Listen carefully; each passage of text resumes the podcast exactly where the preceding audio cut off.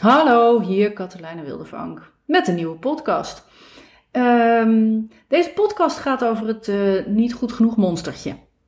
Ik weet niet of jij dat uh, hebt, maar als ik bijvoorbeeld. Uh, nou, ik zit hier nu bij, bij René aan de keukentafel.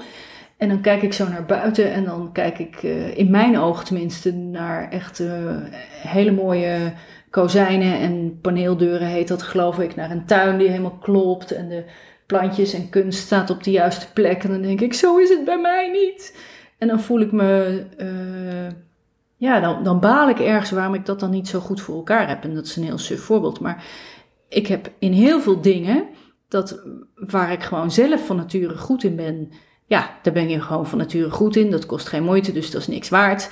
En de dingen die je niet zo makkelijk afgaan, die zie je dan heel snel bij anderen dat die zo goed zijn. En dan heb je een soort gevoel van, uh, ik doe het zelf niet goed genoeg. Ik moet eigenlijk ook uh, zo hard werken als andere mensen dat kunnen. Of ik moet ook mijn tuin zo netjes op orde hebben. Of ik moet ook, zoals een heleboel andere bedrijven nu doen, een online uh, leerprogramma uit de grond stampen. Of ik moet ook echt elke dag gaan hardlopen. Of ik moet ook, ik moet ook, ik moet ook. Voor andere mensen zorgen.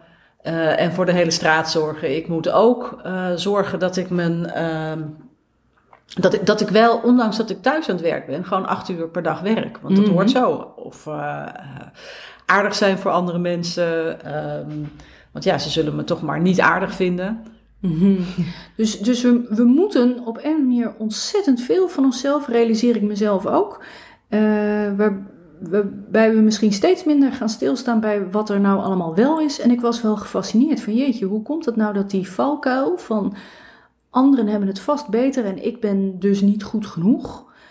Die we allemaal hebben. Want weet je, hoe lang ben ik nu met persoonlijke ontwikkeling bezig? Ik weet echt wel dat ongeveer iedereen die luistert dat gevoel ook heeft. En zegt: oh, Katelijne, wat schrijf je toch allemaal makkelijk? En wat doe je dit toch handig? En wat doe je dat?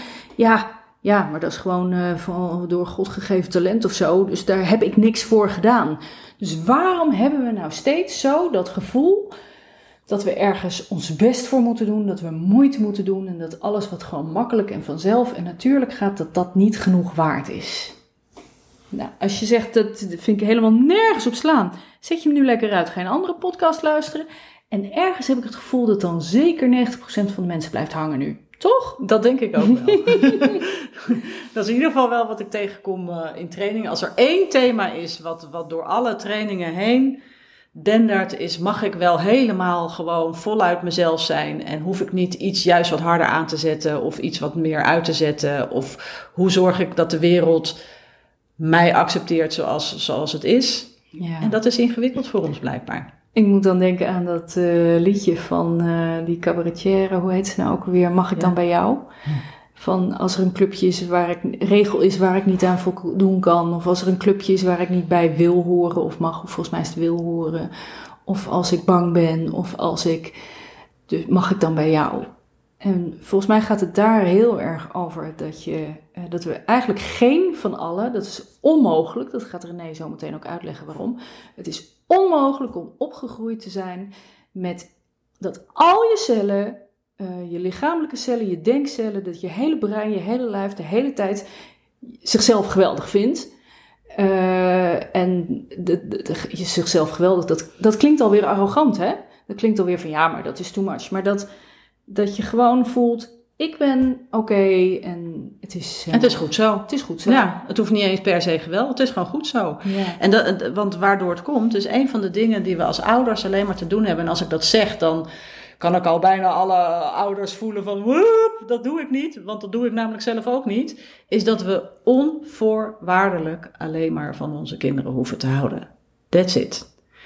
En eigenlijk is dat bijna een onmogelijke taak, want er zijn altijd wel voorwaarden. Met alle goede bedoelingen maken we, hebben we gewoon voorwaarden als ouders. En soms wat groter en soms wat minder groot. En we hebben gewoon onze eigen manieren, waardoor die sowieso anders zullen zijn dan die van onze kinderen. Dus daar, daar komt de voorwaardelijkheid alweer. Ja, en voorwaarden, dat klinkt dan misschien heel bewust en dat is het dus niet. Ik merk bijvoorbeeld dat mijn jongste um, zijn vragen eigenlijk altijd stelt op het moment dat het net niet uitkomt. Ik weet niet hoe die dat timet, Want de vraag die die stelt, daar kan ik vol, vol, volhartig, niet volmondig, maar volhartig ja op zeggen. Mama, wil je dit? Of mag ik even dat? Of ja.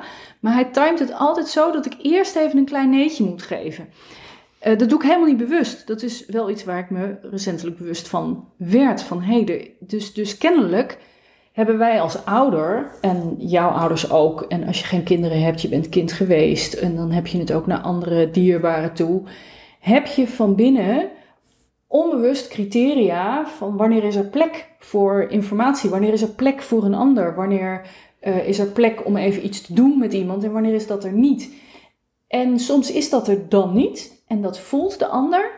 En zeker hele kleine guppies, dus zo tussen 0 en 4 jaar, denk ik zo'n beetje.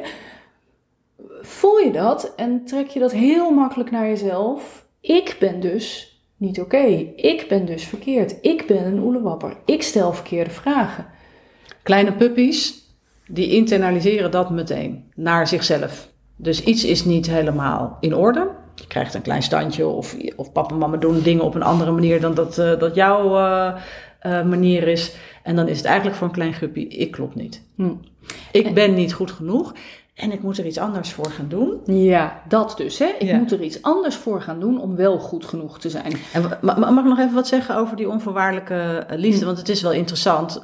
Ik ga even generaliseren. De generatie van, uh, nou, uh, weet ik veel, tussen de 35 en, uh, en ouder, die hebben misschien ouders gehad. Um, nou, die, die lekker met zichzelf bezig waren. Dus de generatie van uh, de mensen die nu 70, 80 uh, ouders hebben. Dat zijn vaak ouders die waren gewoon druk met zichzelf bezig. De maatschappij weer uh, na de oorlog op te bouwen. Die waren niet zo met kinderen bezig. je moest gewoon lekker doen wat, wat de papa's en mama's wilden en klaar is Kees. Nou, daar is al de onvoorwaardelijke liefde er niet helemaal geweest. De tegenhanger is, is dat, en dan ga ik ook weer even generaliseren, dat we nu een generatie ouders hebben, en daar behoor ik zelf ook toe Um, is dat we een beetje de neiging hebben om onze kinderen op te hemelen. Van ik ga ze heel veel aandacht geven, ik ga ze alles geven wat ik niet heb gehad. En ik ga ze precies en ik ga ze continu complimenteren en waarderen. En, en eigenlijk krijg je dan ook weer een tegenhanger, want zelfs dat is niet onvoorwaardelijk liefhebben van je kind. Want dan blijkbaar, als je ze heel erg waardeert op een bepaald stukje, maakt een kind van binnen ervan, oh ja, maar dat andere is. Dus, dus alleen als ik dit doe, is het goed. Ja, dat, ik, ik zeg ook wel eens tegen ouders, jouw kind heeft het recht om ongelukkig te zijn. Precies. En dat vinden mensen dan een, uh, een verwarrende zin. Maar soms uh, is een kind gewoon net zoals ieder mens, chagrijnig, boos, niet in zijn vel enzovoort. En is het heel lekker om dat gewoon te mogen zijn. Maar als jij als ouder daarvan uh, ja, in de war raakt, wat ik ontzettend uh, ook herken hoor, dat als iemand nukkig is, dat ik denk, ja, doe even niet zo nukkig, want daar voel ik me niet lekker bij uiteindelijk in die end. En dit zijn allemaal hele onbewuste processen. Het is niet zo dat ik dan zit te denken, bewust, dat als een van de kinderen bozig naar boven stamt, dat ik dan denk, Oké, dus nu voel ik me afgewezen of niet lekker en daarom moet mijn kind aanpassen. Nee, meestal heb je dat pas door als de donderwolk voorbij is. Maar als die donderwolk dan eenmaal voorbij is, kan je wel gaan nadenken over het integreren van nieuwe gevoels- en gedragsopties. Zo, dit is wel heel veel informatie, heel snel gezegd, in een hele korte tijd.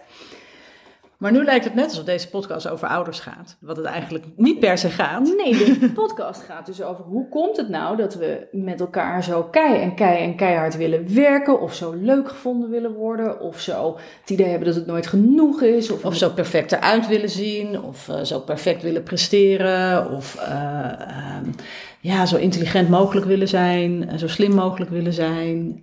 zo goed voor anderen willen zorgen. Ja, ja hard werken. Ja, hoe komt dat nou dat, we, dat het allemaal, uh, dat dat dan zo nodig is? Nou, René had daar een hele mooie verklaring voor, die ook nog weer iets met Trump te maken heeft. Kijk, en dan ga ik het interessant vinden.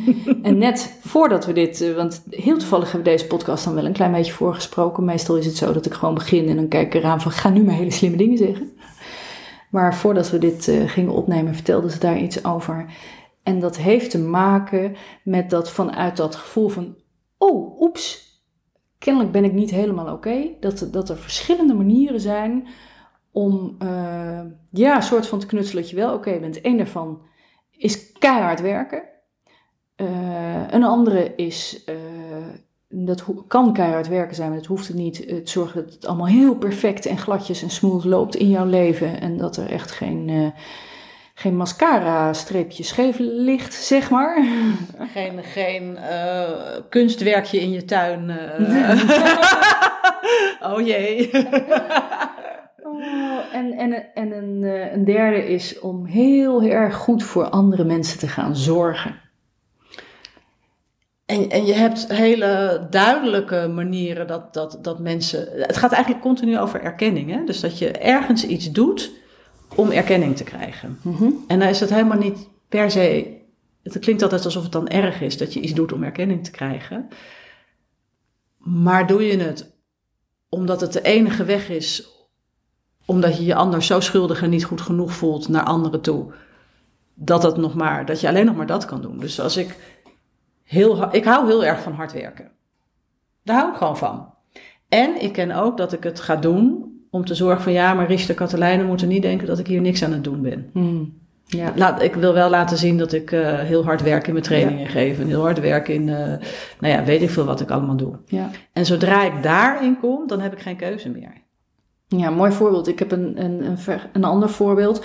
Ik, uh, ik appte vanmorgen René van ik wil weer even echt contact. Misschien luister je deze podcast als de corona al lang voorbij is, maar terwijl we hem opnemen zitten we midden in corona. Dus ik heb er twee maanden niet echt, uh, echt in de oogjes kunnen kijken. En we hebben de afgelopen weken wel heel veel fus moeten opruimen om ons bedrijf overeind te houden met verschuiven van trainingen en planningen. En, eh. Dus voor je het weet ben je alleen nog maar met elkaar aan het appen en aan het mailen over logistiek gezeik. Mag ik het even zo noemen? Dus ik merkte dat ik van binnen ook een klein beetje zo'n knoopje in mijn buik had. Dat dat, dat, dat logistieke gezeik onze relatie een beetje aan het definiëren was. En ik dacht, ik moet echt even voelen dat René mij gewoon nog leuk vindt. Wat natuurlijk helemaal nergens op slaat. Want we hebben altijd dikke pret. Ze zit nu ook echt met grote ogen te kijken van... hoezo zou ik jou ineens niet meer leuk kunnen vinden... omdat we allemaal logistiek gezeik hebben. Maar dat is dan dat stukje in mij dat even weer bevestigd moet worden van... Uh, ja, het is, wij zijn oké.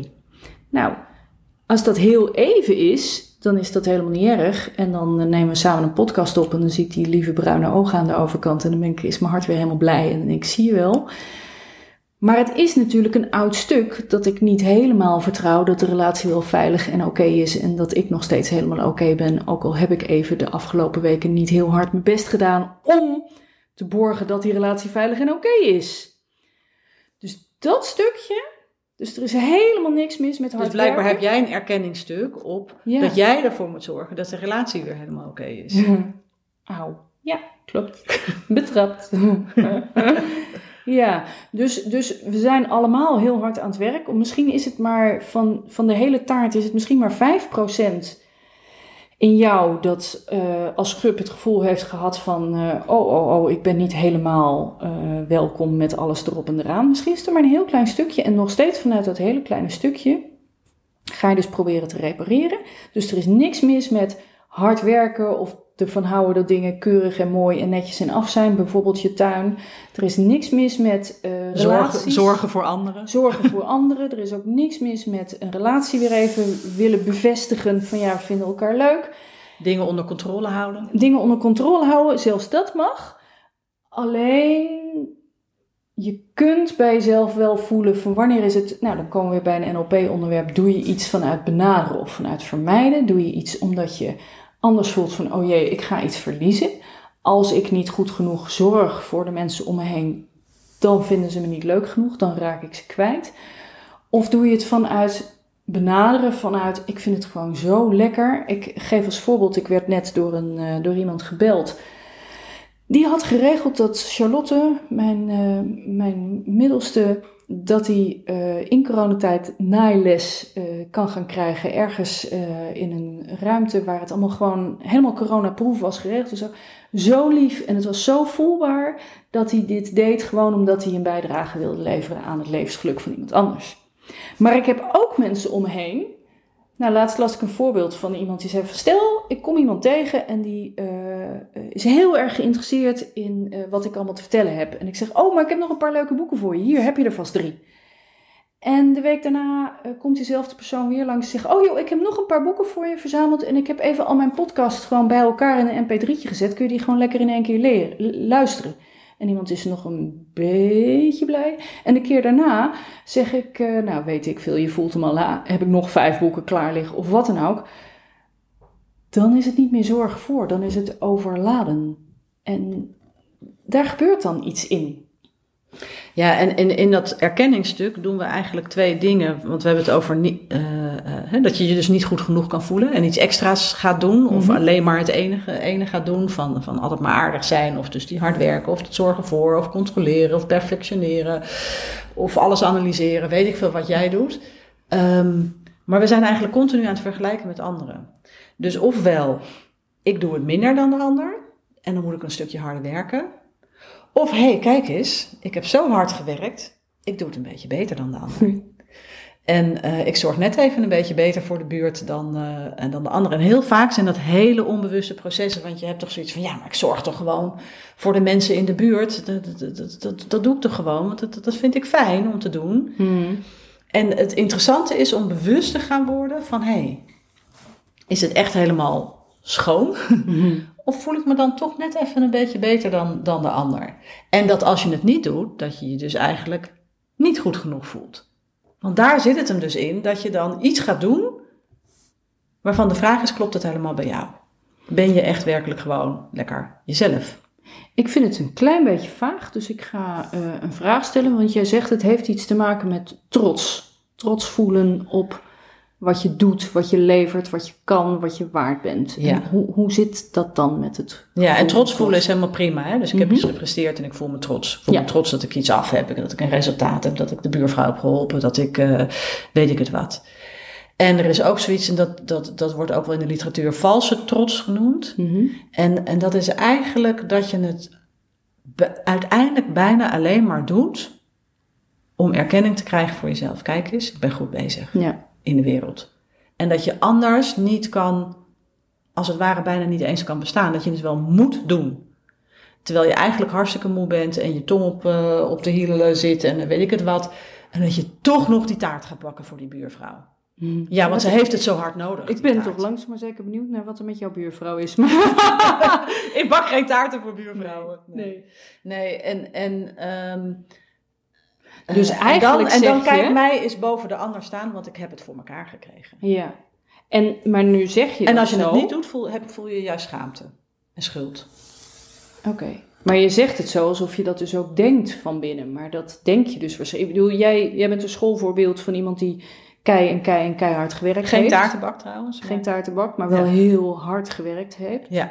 Ik helemaal niet. Ik heb echt van jongs af aan een hekel gehad aan hard werken. Ik weet, daar schaam ik me dan ook weer soort van voor. Ja. Dus ik merk ook dat ik denk van ik wou dat ik dat kon. dus, jij, dus jij voelt de schaamte van hé, hey, ik ben niet goed genoeg omdat ik niet zo hard werk als René. bij wijze van spreken René. Ja. ja. En ik kan dan in een valse trots komen. Van kijk eens, ik red hier eventjes uh, het bedrijf, want ik ben mhm. keihard aan het werk mhm. om de planning te maken voor weet ik veel wat en zus en zo. En uh, ja, en ik ben de enige die dat ook nog eens een keer kan. En dat regel ik. En dan voel ik, en dan krijg ik een soort. Maar dat, dat denk ik natuurlijk niet. Maar is dit niet eigenlijk wat er dan ook in, in grote bedrijven gebeurt? Ik ben uh, na mijn studie, ik heb belastingrecht gestudeerd, ging ik bij uh, wat ze nu de Zuidas zouden noemen gaan werken. En ik werd dus helemaal knetterdebiel. Uh, niet na een maand of wat, maar echt na dag één van dat snoeven van dat ik werk harder dan jij. En, uh, want er werd letterlijk tegen mij gezegd, dat is nog uh, toen er geen internet was en dat soort dingen. Van ja, eigenlijk word je wel geacht op zaterdag even langs te komen en je, je computer aan te zetten. Al zet je hem alleen maar aan en uh, doe je krantje croissantje. Maar je moet wel even je neus laten zien. En een cultuur van als je om negen uur binnenkomt, oh, vrije morgen genomen. Of als je om half zes naar huis wil, goh, vrije middag. Ik kon er helemaal niet tegen. En ik kan me voorstellen dat heel veel mensen daar misschien in kern niet tegen kunnen, maar daar wel in meegaan. En dan maak je zelf volgens mij helemaal stuk, of niet? Of hoe, hoe zit dat dan? Nou ja, er is natuurlijk ook niet voor niks dat er veel uh, uh, burn-out en overspannenheid en dat soort dingen is. En, en dan versterkt dat wat jij eigenlijk van binnen al zo op die manier geleerd hebt, wordt ook nog eens een keer versterkt door de organisatie waarin je werkt. Of misschien wel de maatschappij die dat heel erg waardeert als mensen hard werken. En nu hebben we het alleen maar over hard werken. Maar het gaat dus op al die verschillende stukken waar je eigenlijk stiekem erkenning voor wil. Dat is heel erg gewaardeerd. Ja, dus het is hard werken, maar het is ook de luizenmoeder die zegt: Ja, maar ik ben wel luizenmoeder. Dat je denkt van: Oké, op een manier heb ik in dit gesprek het gevoel dat ik nu minder ben omdat ik geen luizenmoeder ben. Ja, of, of het kan bijvoorbeeld ook zijn dat je veel meer de pleaser bent. Dat je, dat je altijd maar aardig gevonden moet worden. En als je oh niet aardig gevonden wordt, dan heb je een soort van, hè, dan voel je je niet goed genoeg. Dan, dan is er schaamte of schuld van, oh ja, maar ze moeten me wel aardig vinden. En als ik hier in, in, in, in dit feestje rondloop, dan, dan moet ik wel even gezellig met iedereen hebben gepraat. Want dan hebben ze me even gezien en hebben, vinden ze me aardig en dit en dat. En, en, en, en dat je zelfs dan de andere kant op kan gaan. Want kijk, mij nou is leuk op dit feestje rondlopen. En wat vinden mensen mij toch gewoon eigenlijk allemaal aardig? En dat je dan een beetje erboven gaat staan van ja, ik ben zo ontzettend mensenmens. En ja, zonder mij zou dit feestje helemaal niks zijn geworden. Maar waarschijnlijk denk je dat niet bewust. Dus nee, ik zeg steeds denken. Hè, maar, dat, dat, is dus wat je aan het doen bent. En ergens voel je dan van binnen een soort tevredenheid. Maar het is niet in dat bewuste stuk. Want als ik je dit hoor zeggen, dan denk ik, oh ja, maar dat, ik herken dat enorm. Mensen die mij goed kennen, zullen mij niet uh, in het hokje pleaser stoppen, denk ik. Nee. Uh, René beaamt dit wel heel snel, hè? Vind je niet? Ja. Nou. en tegelijkertijd denk ik dat ik ontzettend veel van mijn tijd bezig ben met, oh jee, uh, heb ik wel aardig gedaan, genoeg gedaan? Was ik wel grappig genoeg? Heb ik wel genoeg bevestigd dat ik de ander leuk vind? Heb ik wel genoeg aandacht gegeven? Nee, jou toe ook vaak, want ik ben natuurlijk een, uh, ik heb zoveel ideeën altijd, dus ik kan een zendmast zijn.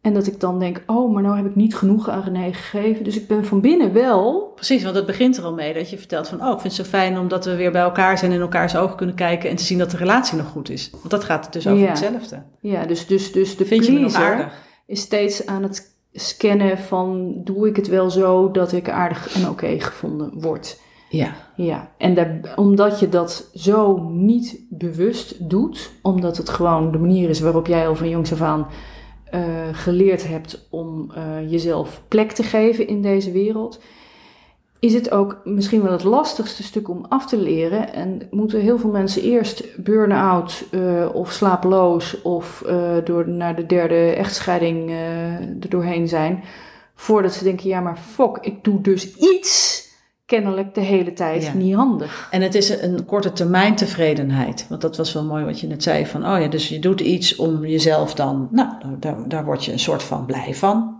Even de taart voor de buurvrouw. Nou, daar word je blij van om te doen. Nou, dat is prima. Er is niks mis mee. Maar als die taart een moedje wordt... Ja. En dat niemand voor jou een keer een taart gaat bakken. En dat je je afvraagt van wanneer bakt iemand nou voor mij die taart? En dat je daar ook een beetje morgen van wordt. En eigenlijk die taart moet bakken omdat je je anders schuldig voelt en die schuld niet wil voelen. Ja. En eigenlijk daar dat hele ongemakkelijke gevoel niet wil voelen. Oh, maar dat is wel interessant wat je nu zegt, want dat herken ik dan wel weer. Dat er, dat er mensen zijn die steeds maar geven en zorgen. En weet je, die taart wordt gewoon een soort metafoor. Ja, want het gaat natuurlijk ook over het rapport wat af is in een, in een grote organisatie. Of dat je inderdaad je laptop aan hebt staan en dat mensen zien dat je er bent. Ja, ja. Of dat je uh, bij die ouderavond aanwezig bent terwijl je die hele ouderavond gestolen kan worden, maar je kan het niet maken om. Dus wanneer ben je intrinsiek gemotiveerd om iets te doen? Ik denk dat dat de kernvraag is. Wanneer ben je intrinsiek gemotiveerd om iets te doen in het contact met de ander?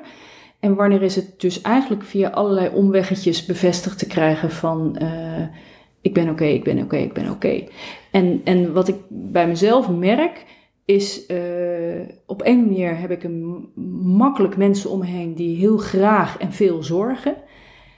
En in die end krijg je toch de rekening gepresenteerd. Misschien herken je dat van jezelf, dat als je heel veel gezorgd hebt voor andere mensen, terwijl het eigenlijk niet intrinsiek kloppend was voor jezelf, dat je op een gegeven moment denkt, ja, en wanneer ben ik nou aan de beurt? En dan komt de rekening op tafel, bij jezelf of bij de ander. Omdat in die patronen als je zo'n zorgpatroon hebt, of hard werk, of een perfectie, dat je niet meer de andere kant wil. En dat is oh, een beetje het hele punt. Het is niet erg om voor iemand te zorgen. Het is hartstikke fijn om voor. ik, vind, ik ben heel blij dat mensen voor elkaar zorgen. Maar als jij niet toestaat dat anderen voor jou kunnen zorgen, als je nooit durft help te vragen, of dat heel moeilijk hmm. vindt, of uh, uh, dat jij niet kwetsbaar mag zijn, dan, Oh, dan krijg je die rekening een keer betaald. Ja. Over hard werken, dat als er geen hard werken is, dat je erop kan vertrouwen dat mensen je dan nog steeds leuk, lief en aardig vinden. En, Ja. en ik word dan nu weer ontroerd, want dat, dat raakt meteen aan zo'n oud stuk van, van oh ja, vinden. En dan kijkt Katelijne me heel liefdevol aan en dan kan ik voelen van, oh ja, ja, ze vinden me ook echt aardig als ik niet hard werk en lief en leuk en Ja. fijn. Ja. En, kan bij, eh, ja. Ja. en het, is, het is als het ware die ijsberg. Misschien kunnen we een plaatje er wel bij doen. Dat je, dat je Ja. aan de oppervlakte, dat puntje van die ijsberg, alleen maar dat stukje van jezelf laat zien. Wat je graag wil dat anderen zien. Want daarmee heb je een soort bestaansrecht op de wereld gecreëerd. Daarmee krijg je erkenning. Ja. Soms weet je dat bewust en soms is dat heel onbewust. Heel vaak is het heel onbewust. Ja. Ja. Maar dat die hele diepte van die hele ijs- ijsberg met alles wat er ook nog is, dat in principe da- dat jij ook af en toe hulp nodig hebt. Dat je ook af en toe mag denken van, ah, ik heb even helemaal nergens zin in. Ik ga gewoon met mijn kont op de bank. In joggingbroek. Ik, ik mag nee zeggen tegen mensen. Ik hoef niet continu alleen maar ja, Ja. te zeggen. Sterker nog, ik mag uit mijn hum zijn. Ik mag er een zootje van maken. Ik, mag, ik moest denken aan eh, Ik mag Toen- onopgemaakt op een Zoom. toen onze jongste geboren werd. Toen, eh, ik ben vrij, ik denk dat ik zowel als moeder als als ehm, eh, huishoudster, om het zo maar te zeggen, makkelijk ben. Dus ik weet nog wel dat in de kraamtijd op een gegeven moment iemand op bezoek kwam. En eh, volgens mij, ik ben er nog steeds over aan het puzzelen, was het echt geen enorme teringzooi in mijn huis. Maar toen kwam er een, eh, een, een moeder op kraambezoek waarvan ik weet dat ze altijd alles perfect onder controle heeft. En die zei, ik vind het zo knap dat je dit om je heen gewoon zo kan laten. En eh Florian is nu elf geworden, dus ik ben al elf jaar aan het puzzelen van wat was er dan in mijn huis. Dus misschien moet ik dat nu gaan loslaten denken. Dat zegt echt heel veel meer over haar dan over de toestand in mijn huis. Want het was echt geen enorme bende. Maar dus eigenlijk zeg je, bijvoorbeeld als je heel erg perfectionistisch bent, dan kan dat lekker zijn, kan fijn zijn. Dat kan weer die intrinsiek uit jezelf komen. Dat kan uit dat onderste deel van die ijsberg komen. Maar op het moment dat je gewoon niet in staat bent om rommel in je huis te verduren, op het moment dat het gewoon niet kan dat er grasprietjes scheef groeien in je tuin, op het moment dat het onmogelijk is om naar bed te gaan als dat rapport niet af is, dan is het waarschijnlijk vanuit hechting shit, omdat je het perfect wil hebben, omdat het af en rond moet zijn, omdat je geen schuld wil hebben en omdat je moet horen, indirect of direct, van jezelf en van ander, je bent echt oké. Ja. En de vraag is dus eigenlijk, kan je je hele er- ijsberg zijn? Of ben je alleen maar het puntje boven het water? Ah, wat mooi. Ja, die bedenk ik net eh, zo even ter, ter plekke. Ja, jeetje, want Dus- eigenlijk zouden we nu zo door kunnen naar een volgende podcast, wat we niet gaan doen. maar ik wil echt de volgende keer iets gaan doen over eh, het onderste stuk van de ijsberg en het bovenste. Want wat we heel erg vaak doen, is ons onderste stuk van de ijsberg vergelijken met het bovenste stuk van de ander. En in die vergelijking kom je Ja. er altijd slecht vanaf. En volgens mij is dit een eh, geweldige afsluiter. Mooi. Tot de volgende keer, lieve mensen. Bye bye. bye.